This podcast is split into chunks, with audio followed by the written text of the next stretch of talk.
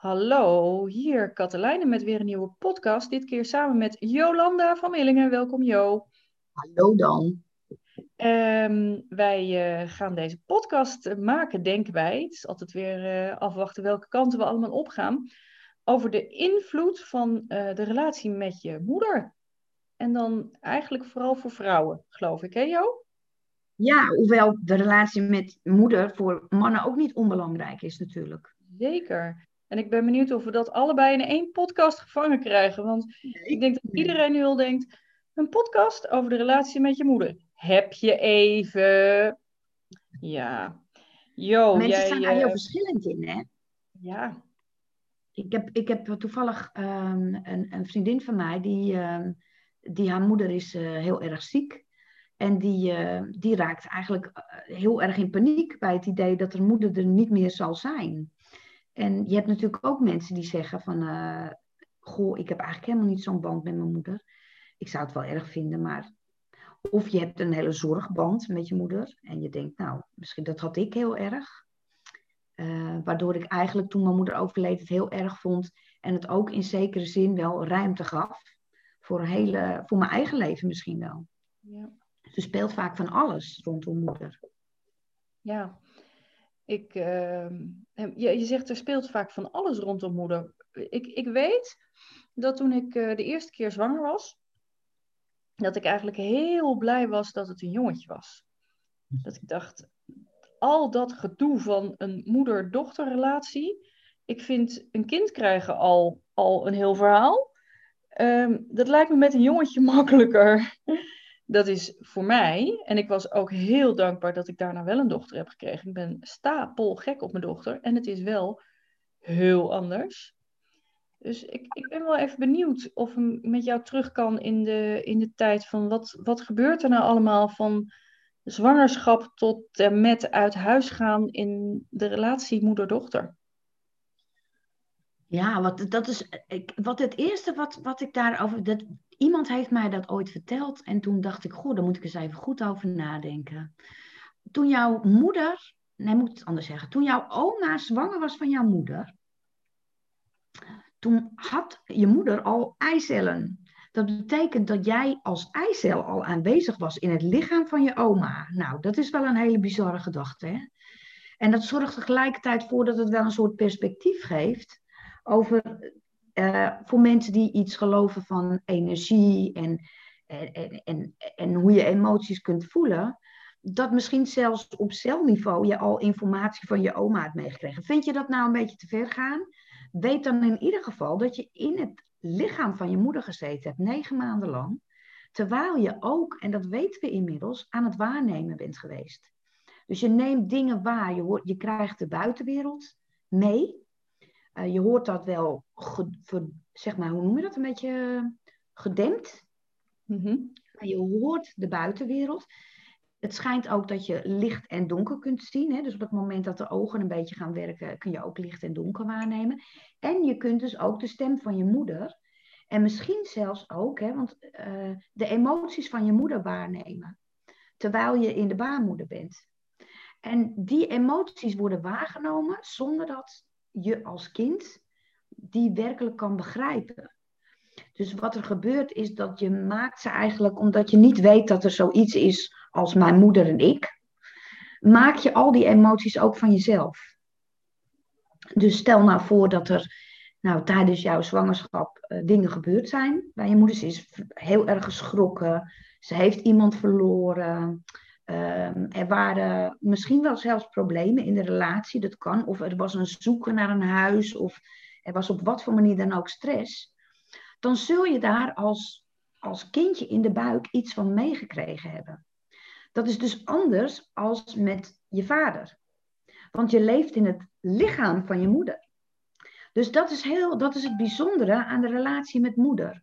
dus dat je allerlei dingen uh, eigenlijk meekrijgt bijna via de placenta. Ja, en dan uh, heb jij het over emoties en zo. En ik weet inmiddels dat dat uh, ook heel meetbaar in stofjes is. Dus um, stresshormonen, uh, gelukshormonen, hebben net zoveel impact op de, de, de, ongeboren baby als op de moeder.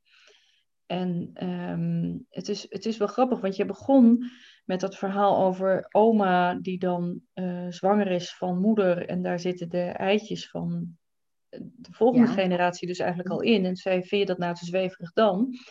Ik, ik snap dat dat, um, dat energie dan zweverig is, maar ik vind wel, ik heb een ontzettend interessant in, onderzoek uh, gelezen, dat heet het kerstbloesem-experiment. Uh, dan gaven ze ratten, uh, boden ze verschillende geuren aan, waaronder kerstbloesem. En alleen bij het aanbieden van kerstbloesemgeur kregen ze een pijnprikkel. Daarna gingen die ratten zich. Dus die ratten die waren helemaal geconditioneerd op kerstbloesemgeur en stress. Na dat experiment, uh, dus toen ze gestopt zijn met die, die pijnprikkel enzovoort, kregen die ratten uh, nageslacht. Dat hebben ze natuurlijk ook gewoon geregeld, zeg maar.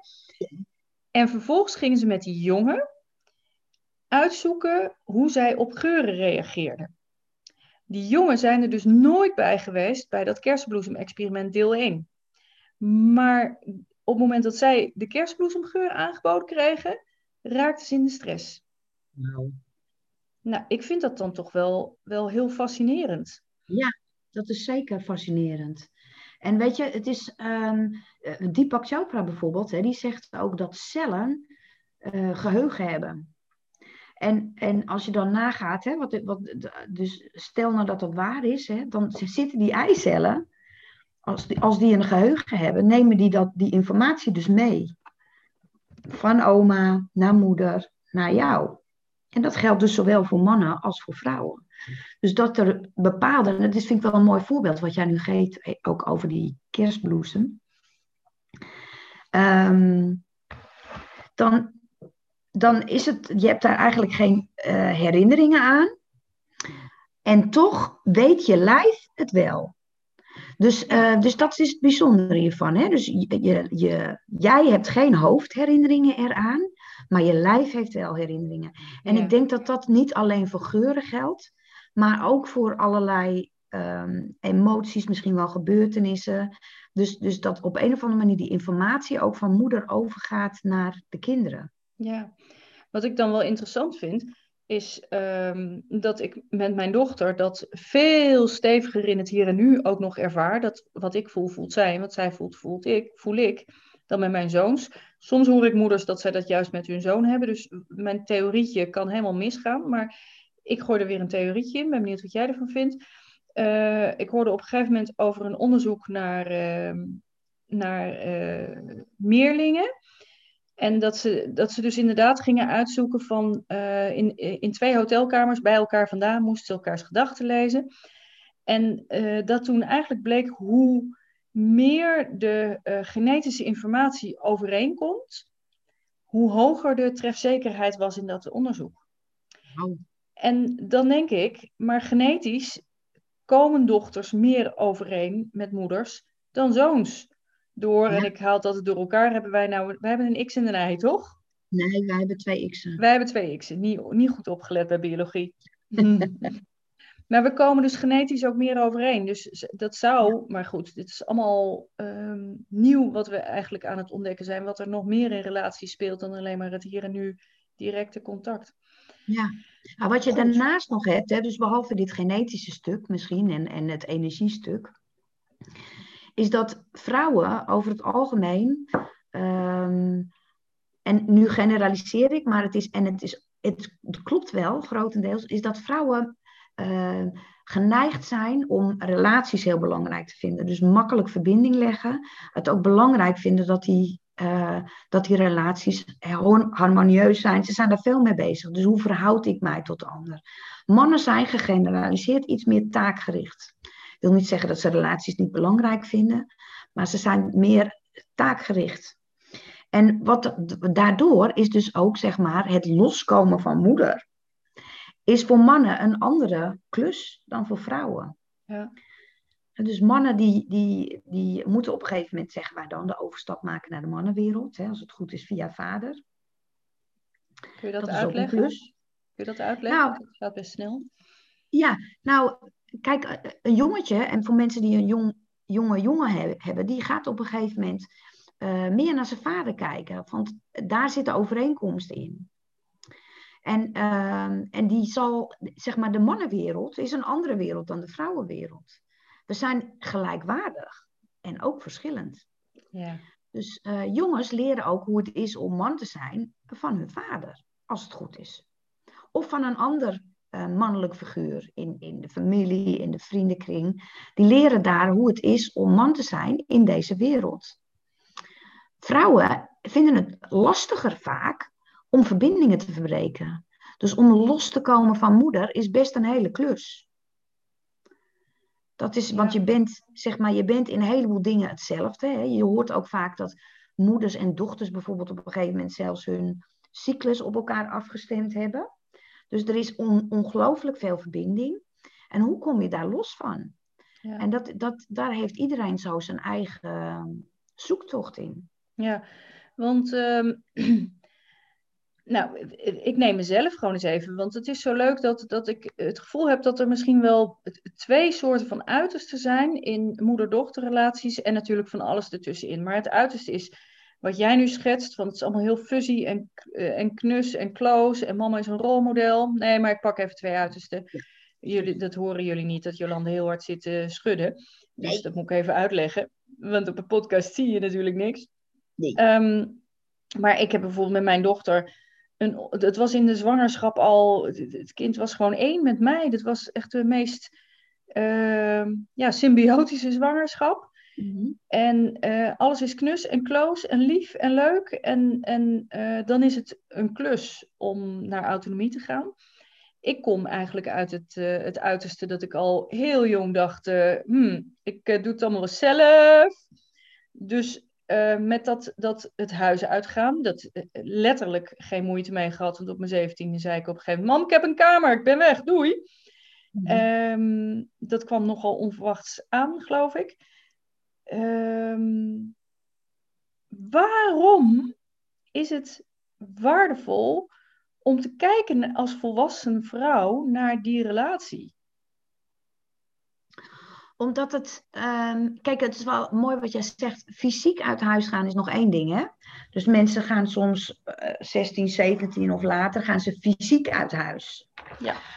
Maar wat je wel merkt, is dat er heel veel uh, vrouwen met name nog heel lang in hun volwassen leven bezig zijn met wat vindt mijn moeder ervan?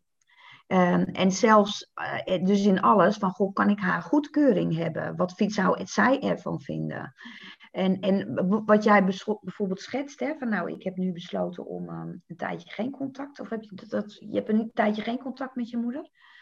Maar dan ben je nog steeds bezig met haar ook. Op, en met name op bepaalde momenten zul je bezig zijn met haar. Wat zou zij hiervan vinden? Hè? Wat zou zij van deze podcast vinden?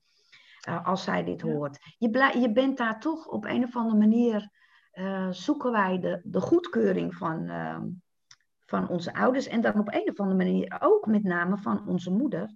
Uh, en, en ongemerkt, nou, dat, ik denk dat ook heel veel vrouwen dit kennen, dat ze ineens merken, oeh, ik lijk mijn moeder wel. Ik zeg dezelfde zinnen. Ja! Dat is gewoon, dat, dat is gewoon zo. En, en om daar los van te komen, hè, dus wat, wat zeg ik vanuit, hè, oh, dit heb ik meegekregen, is dat wel wat ik wil? Uh, en ben ik dan niet disloyaal aan haar? Uh, dat, zijn, dat zijn, ja, dat kan het soms heel ingewikkeld maken. Ja, en soms denk ik, ja, maar hoe dan? Hoe kan je nou, en, en ik herken het hoor, even, uh, ik heb nu ongeveer een jaar geen contact met mijn moeder. En dat, die, die ademruimte had ik echt even ontzettend nodig. Op een zeker moment ontdekte ik dat ik eigenlijk uh, mijn hele leven in een soort rol ben gaan, uh, gaan zitten van jij bent oké okay en ik ben fout. Dat was mijn soort van manier om, uh, om de, de relatie met iedereen in de familie goed te houden. Ik ben de gek en jullie zijn allemaal fantastisch. En op een gegeven moment ontdekte ik dat het ook wel heel helend is om eens een tijdje niet steeds te denken dat ik gek ben. en dat, ja. Maar dan denk ik ook, jemig, moet ik nou echt op mijn 49ste nog dat hele stuk door van dat ik, dat ik zo gestuurd word door die eerste ja, tien jaar. Nou, ik, ik denk, ik denk dat, dat je een manier, en- en misschien is dit voor jou wel de manier, er zijn ook mensen die doen het op allerlei andere manieren, om, om gewoon eens te merken van wie ben ik nou zonder haar? Ehm, Ja. En wat, wat, wat wil ik daarin wel en wat wil ik daarin niet? En sommige mensen doet het ook gewoon goed een tijdje geen contact met hun moeder daarin te hebben. En andere mensen zeggen nee, ik kan het ook heel goed in contact. Hè? Dus voor iedereen weer verschillend. ja, want Maar dat, heb ik... dat er ergens zo'n moment komt dat je zegt, ja, ehm, dit heb ik meegekregen. Bijvoorbeeld, hè, je, het is ook wel mooi wat je beschrijft. Hè, dus je denkt iets over jezelf in relatie tot haar. Hè, dus Ja. zij is normaal, dus moet ik wel gek zijn. Ja, En vervolgens neem je dat mee naar allerlei andere eh, contexten waar je in begeeft. Ik had, ik had met mijn moeder ehm, de, de dynamiek van eh, zij, zij, zij is, eh, ja, moet ik dat zeggen, zwak. En dat zei ze zelf ook, hè. ze was ongezond, ehm, had problemen met haar longen. En ik moest voor haar zorgen.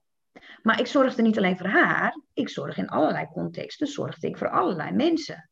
Totdat dat niet meer voor mij werkte. En dan merk je, oké, wie ben ik nou eigenlijk zonder... Stel nou dat ik niet voor haar hoef te zorgen. zo- Stel nou dat ik niet mijn eigen normaliteit hoef af te meten aan haar. Wie ben ik dan? ja, En dat is de weg. En dat betekent echt niet dat je, dat je helemaal moet gaan spitten en weet ik wel. Maar het gaat er wel om van, goh, wie ben ik los van haar? En wil ik diegene zijn die ik nu geworden ben in al die contexten waar ik eh, ben? En hoeveel is daarvan nog van haar? dat is wel, wel mooi dat je zegt, wie ben ik los van haar? Dat is dus kennelijk wat ik nu aan het voelen ben. Ja. Op mijn fucking 49ste, denk ik dan. Maar ja. hey, Ja. ehm, Maar ik ben dat, zeg maar, mijn moeder is, eh, is eh, vorig jaar overleden. En ik ben dat nog steeds aan het uitvinden nu dat ik niet meer die zorgtaken heb voor haar. Ehm, wie ben ik zonder die zorgtaken? Dus dat is, dat is eh, volgens mij kom je daar allemaal wel, misschien wel meerdere keren in je leven langs. Dat je die afweging voor jezelf gaat maken, Ja. gaat ontdekken.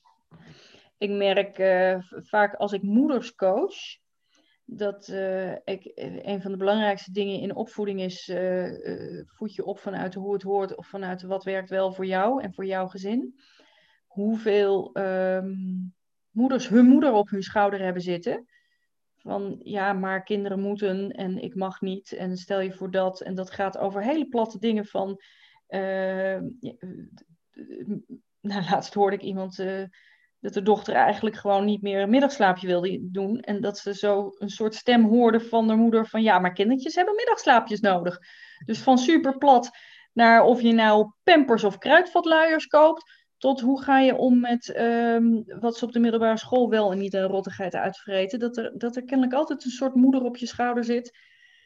Waar je dan of heel loyaal aan bent, of zoals ik, ontzettend tegen verzet. En dat is, eh, zijn twee uitersten van dezelfde dynamiek. Ja, de uitdaging is vaak hè, voor heel veel vrouwen is hoe kan ik bij mezelf blijven eh, in contact eh, met haar. Maar ook ehm, wat er ook vaak door elkaar heen loopt is, is houden van en loyaliteit. Dus, dus ehm, hoe kan je van je moeder houden terwijl je het doet zoals jij vindt dat het voor jou oké is? Ja, Dat is, dat is vaak, en, dus, dus ook hoe kan ik van haar blijven houden terwijl ik afstand neem? Hoe kan ik van haar blijven houden als ik niet voor haar zorg? Dat is, weet je, dus als ik niet die taak doe die ik misschien, misschien zelf opgelegd heb of die ik opgelegd heb gekregen, hou ik dan nog steeds van haar en houdt zij nog steeds van mij? ja, Dat, dat is vaak waar je, waar je langs moet. ja, ja. Als je, dus dit is iets waar je, waar je zelf als dochter doorheen gaat. Ehm, Hmm. Wat kun je als moeder nou goed doen? Dus eh, wij hebben luisteraars die zelf moeder zijn. Ja. Ehm, hoe, hoe doe je het zo goed mogelijk? Wat zijn de ingrediënten? Hm. Dat is wel mooi, hè? Dus ten eerste beseffen dat dit zo is, hè? Dus dat, dat, dat, dat, dat er een diepe verbinding is en, en dat dat ook oké is. En dat je tegelijkertijd ook kijkt naar de verschillen. Dus waarin, waarin is mijn dochter anders dan ik? Hoe, waar, en zonder daar, en dat is best lastig, zonder daar gelijk een oordeel over te hebben. Van goh, hé, hey, dat is interessant, jij doet dat anders dan ik. En dat ook bij wijze van spreken benoemen, als Ja. zijnde helemaal oké. Oh, wat leuk. Ja, ik heb daar een heel plat praktisch voorbeeld bij. Het is wel leuk. Eh, ik ben met Charlotte, nu uh, gaan we dagelijks naar haar paard. En uh, nou, in het begin is dat wel even zoeken naar, ehm, naar, naar de weg van hoe ga je een eigen paard nou ehm, goed leren kennen en fijn mee omgaan.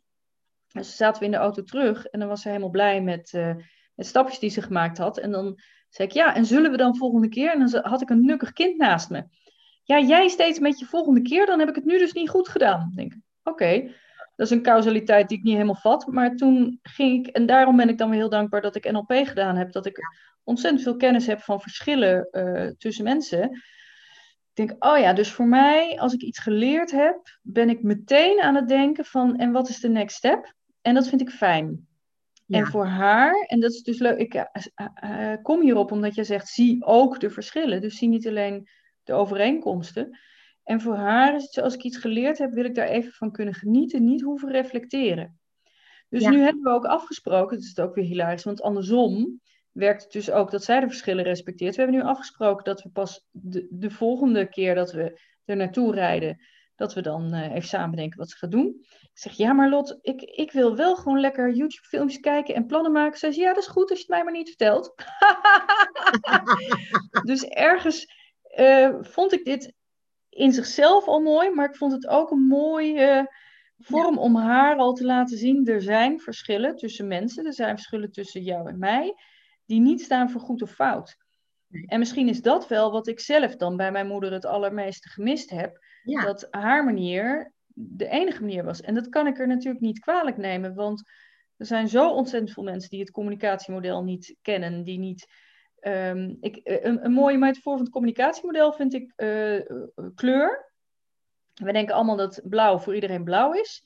En ik las een keer een interview met iemand en die had al zes keer een uh, hoornvlies of netvliestransplantatie, dat weet ik dan even niet, maar een van beide gehad.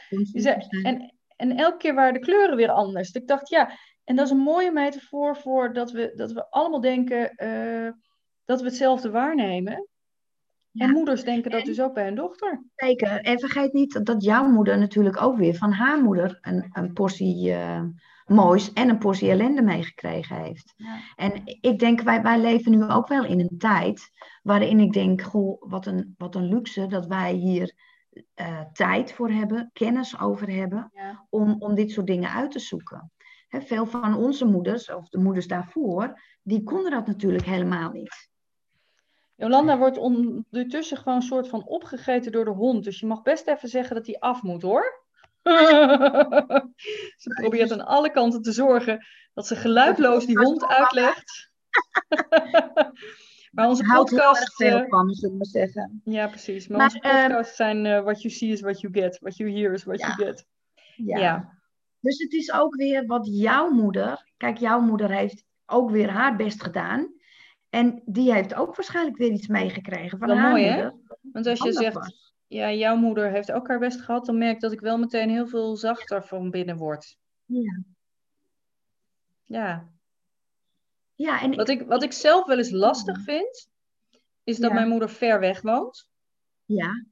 Um, waardoor, uh, kijk, als ze hier bij wijze van spreken in de straat zou wonen, dan zou ik denken, dan kun je wat dagelijks leven met elkaar delen, waardoor je niet zo uh, strijd hoeft te hebben over de grote verschillen. Terwijl als je echt op afstand elkaar maar eens in de drie maanden ziet of zo, ja, ja dat zit ik dan weer allemaal in te vullen. Maar... Ja, dat is dus al, want voor anderen, kijk, ik, ik weet nog wel, toen mijn moeder nog goed was, stond ze het liefst hier elke dag voor de deur. En uh, was ook niet zo heel erg prettig, zou ik je zeggen. Want uh, dan heb je ook het idee van, joh, laat, geef me even ruimte. Ik wil helemaal niet al die dagelijkse dingen, laat het me gewoon op mijn eigen manier doen. Maar het blijft dus, wat, wat de rode draad is, is dat je op een of andere manier steeds terug aan haar refereert. Als het gaat over, doe ik het nou goed of doe ik het nou niet goed? En dat er ergens een moment moet komen dat je zegt, nou, ik bepaal voor mezelf wat is goed en wat is niet goed. Mooi. En, en dat, daarmee verlies ik en dat is, dat is vaak de uitdaging. Daarmee verlies ik niet haar liefde. Um, maar ik moet het wel gewoon doen zoals ik het juist vind. Voor mij en voor mijn kinderen. Ja. En dat is zo'n subtiel tussenzinnetje. Daarmee verlies ik niet haar liefde. Maar soms is dat wel de prijs.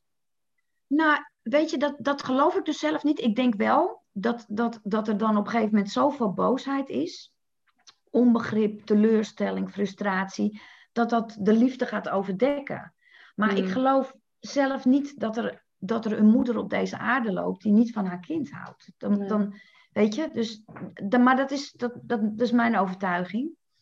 Want ik geloof dat die liefde er altijd is. Ehm, alleen hij raakt soms wel wat, ja, net als dat de zon overdekt raakt door, door wolken, eh, die, die, in de vorm van emoties. Dat, dat is wel wat er is. Maar Daaronder zit liefde. En dat wordt soms bedekt met allerlei andere emoties. Dat is gewoon Ja. zo. Terwijl Ja. het is jammer dat jullie het niet kunnen zien, want mijn hond bedekt mij nu letterlijk met liefde. Ja, het is hilarisch. Jo- Jolande praat over liefde en de hond die staat achter haar met de poten om erheen, er alleen maar helemaal te kussen en te knuffelen.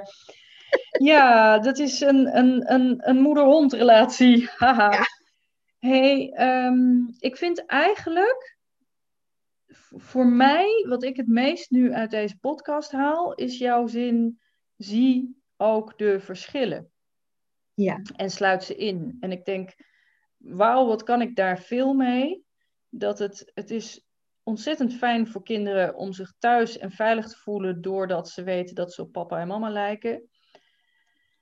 En er komt een leeftijd, nou dat is de puberteit, dat, dat het een dun evenwicht is, volgens mij, tussen dat ze dat Ja. steeds weer wel bevestigd willen zien, maar ook Ja. die autonomie geëerd willen hebben. Ja. Ja.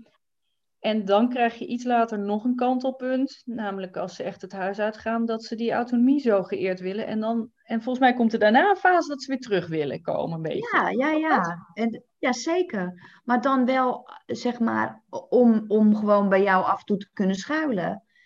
En eh, niet per se om van jou te horen hoe ze hun leven moeten leven, maar wel om Ja. te weten, dit is een plek waar, waar er altijd van mij gehouden wordt. En ik kan daar gewoon even zijn. Oh, en gewoon mooi. daar zijn. Oh, Ja. die ga ik ook onthouden. Dus, dus, dus je komt. Want dat weet ik van mezelf, van Richard, van een heleboel andere mensen, dat het zo'n klus is om weer thuis te komen als volwassene. Omdat je voor je het weet oordeel krijgt. Ja. Eh, Of je dat nou zelf zit te knutselen of dat het echt zo is, maar oordeel over partnerkeuze, over hoe je opvoedt enzovoort.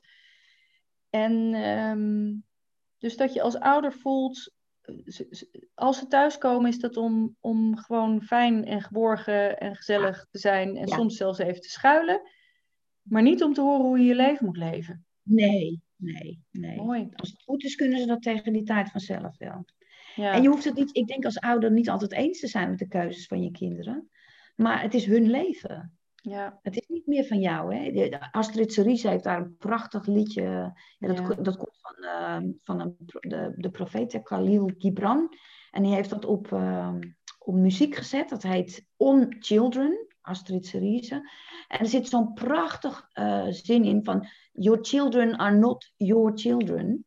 En wat ze daarmee bedoelt is... Ze zijn, ze zijn via jou gekomen, maar ze hebben hun eigen leven. ja. En eh, ik denk dat dat ongelooflijk belangrijk is. Nou, ik vind het een mooie afsluiter om te realiseren dat dat zowel voor jezelf geldt. Je hebt je eigen leven. Dus eh, wie ben ik met mijn moeder? Wie ben ik door mijn moeder? Wie ben ik dankzij mijn moeder? En wie ben ik zonder mijn moeder? Ja, prachtig. En dat je ook op die manier, naar, als je kinderen hebt, naar je kinderen kijkt. In elke fase, wie is mijn kind door mij, met mij en zonder mij? Zeker, Ja. zeker. Prachtig. Nou, lieve mensen, ehm, nee, het is niet een 1, 2, 3, doe dit, doe dat, denk dat. En dan is het allemaal helemaal eh pais en vree met je moeder of met je dochter of wat dan ook. Maar hopelijk was het weer inspiratievoer op een eh, onderwerp wat, eh, ja, waar we allemaal wat mee hebben. Tot een volgende keer. Tot de volgende keer.